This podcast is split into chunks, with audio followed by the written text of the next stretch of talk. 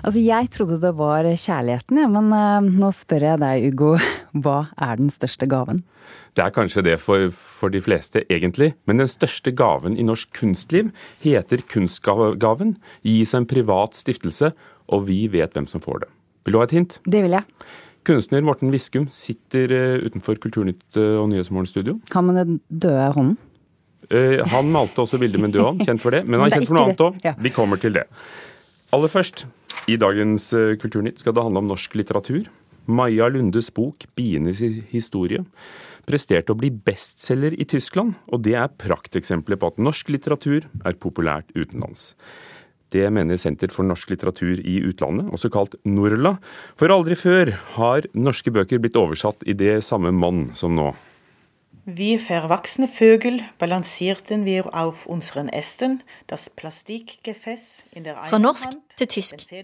Maja Lundes bok 'Bienes historie' har vært med å gjøre 2017 til tidenes år for norsk litteratur utenlands. Marit Valsø, direktør ved Senter for norsk litteratur i utlandet, Norla, sier det aldri før har vært så mange oversettelser av norske bøker. Hele 538 bøker er blitt oversatt til 44 språk. Så det er det beste året for norsk litteratureksport som vi, som vi har sett. Spesielt i Tyskland er interessen for norsk litteratur stor. I 2019 skal Norge være gjesteland ved den store bokmessa i Frankfurt. Så det vet jo hele tysk bokbransje, og vet at eh, da blir det Norge som blir nyheten på bokmessa i Frankfurt, på den arenaen som det er. Og da er det stor interesse for å ha norske bøker på listene. Men det er ikke bare Maja Lunde som blir tysk. F.eks. Vigdis Hjorts Arv og miljø og eh, Gleden med skjeden og eh, flere andre spennende bøker.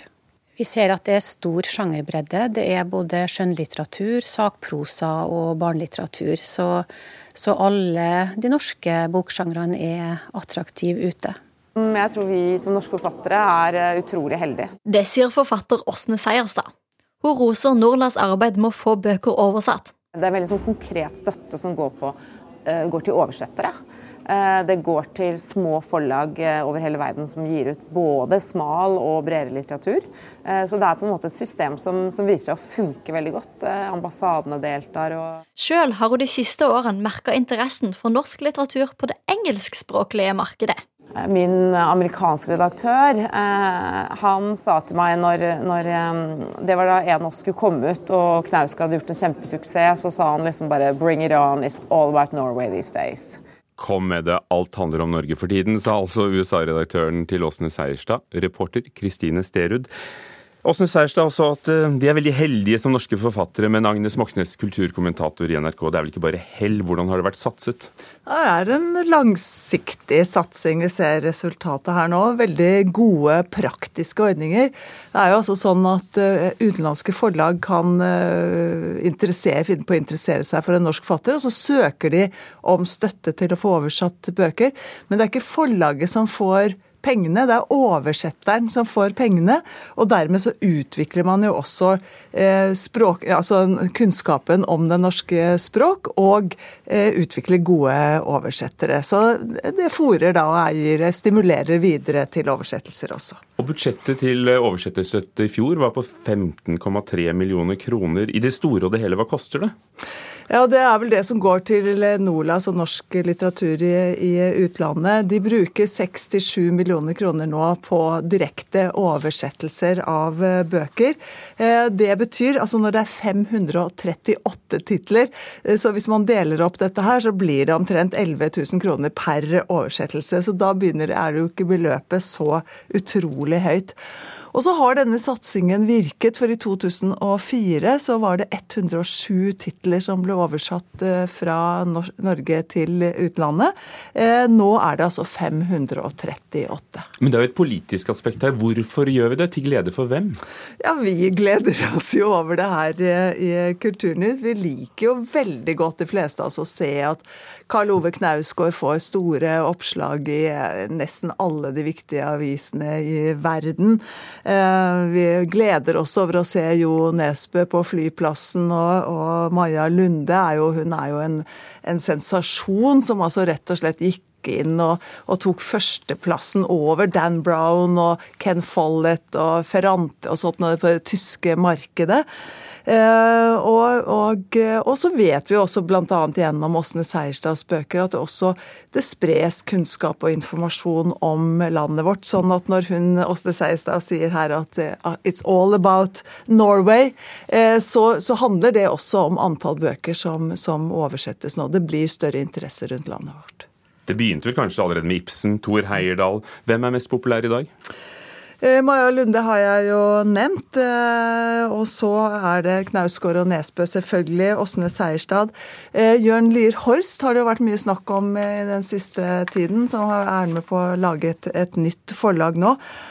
Bare barne- og ungdomsbøkene hans er oversatt til 13 nye språk i, i 2017, fordelt på sju titler. I tillegg så er åtte av bøkene hans, eller nye språk av, av bøkene hans oversatt. Da. Og Jostein Gorge, Sofies verden, holder stand? Ja, Jostein Gorge er jo egentlig starten på dette her. Og bare nå for noen dager siden så ble hasteoversatt 300 000 av Sofies verden, verden til kinesisk, fordi boka er blitt en del av pensum for åttendeklassinger der i landet. Du verden. Takk skal du ha, Agnes Moxnes, kulturkommentator. I morgen er det filmpremierer over hele landet, og en av filmene som kommer, er You Were Never Really Here, med skuespiller Joaquin Phoenix i hovedrollen. For det fikk han pris på filmfestivalen i Cannes. Den fikk også pris for beste manus. I morgen har den altså norgespremiere. Kritiker i NRK, Birger Vestmo, har sett den. State Senator Albert Vato. His teenage daughter's missing. What's the lead? He got an anonymous text with an address.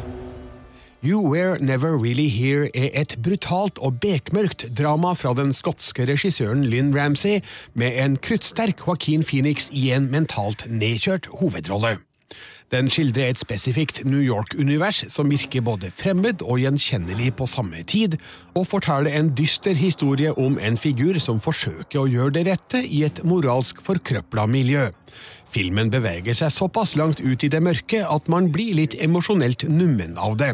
Ben Phoenix gjør en imponerende innsats i hovedrollen, mens Lynn Ramsey regisserer med en voldsom estetikk som gjør filmen til en stilsikker prøvelse. I said you were brutal. I can be. I want you to hurt them. Phoenix spiller Joe, en stille, men brutal mann som bor sammen med sin aldrende mor, spilt av Judith Roberts.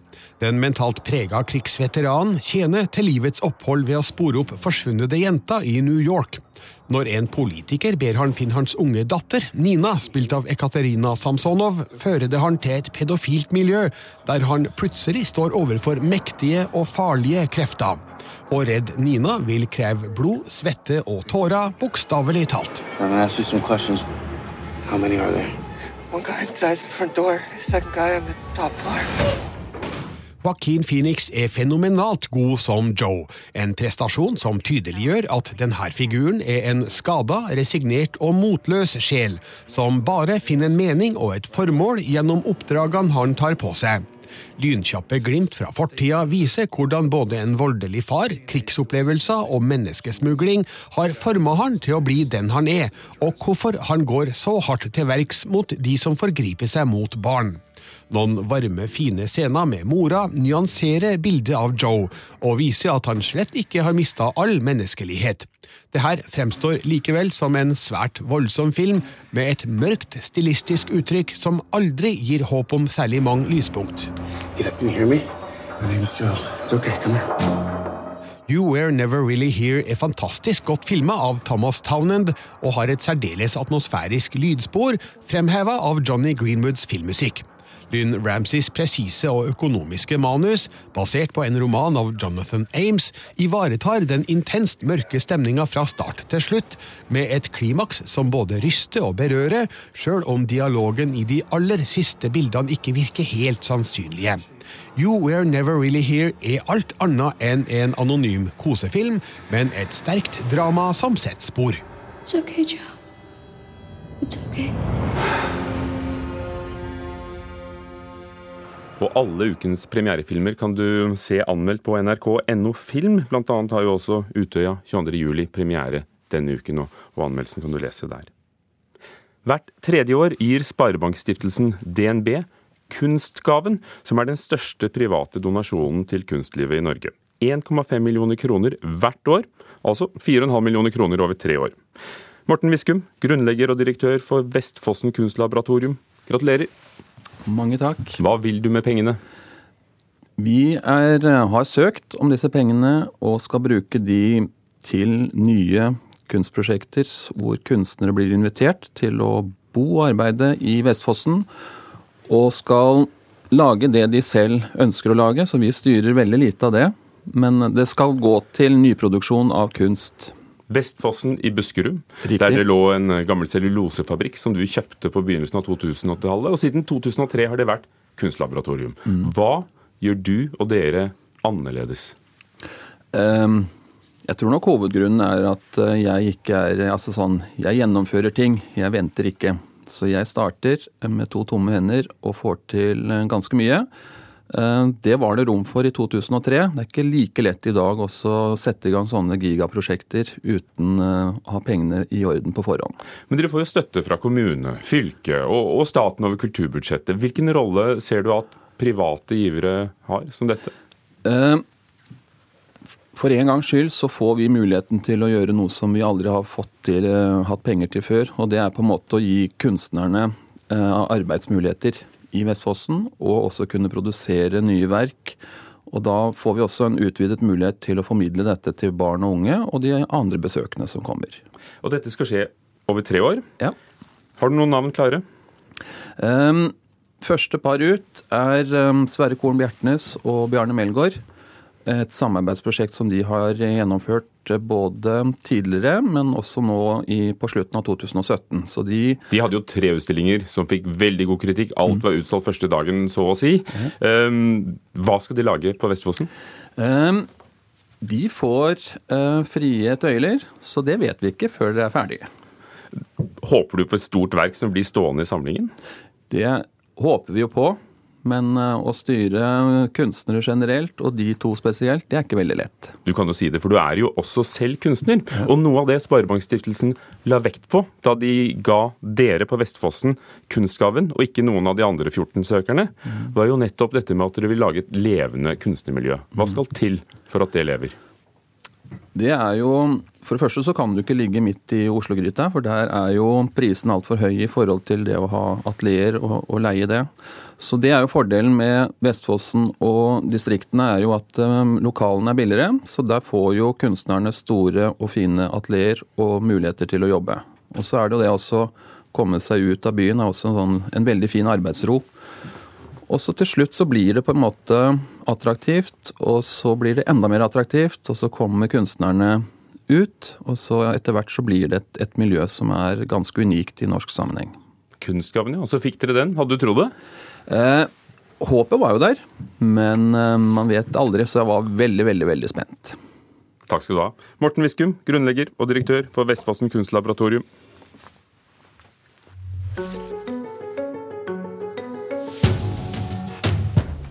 Filmen The Wolf of Wall Street fra 2013 med den ikke ukjente Leonardo DiCaprio i hovedrollen handlet om en ekte storsvindler midt i jappetiden. Men filmen havnet selv i en stor korrupsjonssak. Nå er produksjonsselskapet og amerikanske myndigheter eh, kommet til et forlik. Og hva handler det om, kulturreporter Thomas Alvarstein Ove? Jo, Historien starta faktisk i Malaysia, der nærmere 15 milliarder kroner ble stjålet fra et utviklingsfond. USA har de siste årene forsøkt å spore opp disse pengene, og mener altså å ha funnet dem igjen i eh, Los Angeles, eh, ironisk nok som bl.a. finansiering av The Wolf of Wall Street.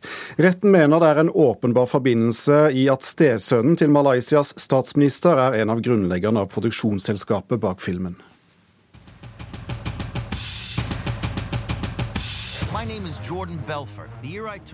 Ja, Det er sånn det hørtes ut. Eh, hva blir konsekvensen av denne historien, da?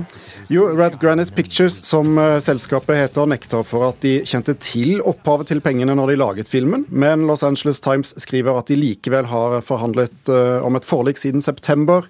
Nå går de med på å betale tilbake rundt en halv milliard kroner. Og det var Kulturnytt i Nyhetsmorgen, Ida Creed. Ja, Der skal vi snakke om at solen er tilbake. Det feires hele uken. Vi snakker om Svalbard og skal dit om en halvtimes tid med Først Dagsnytt.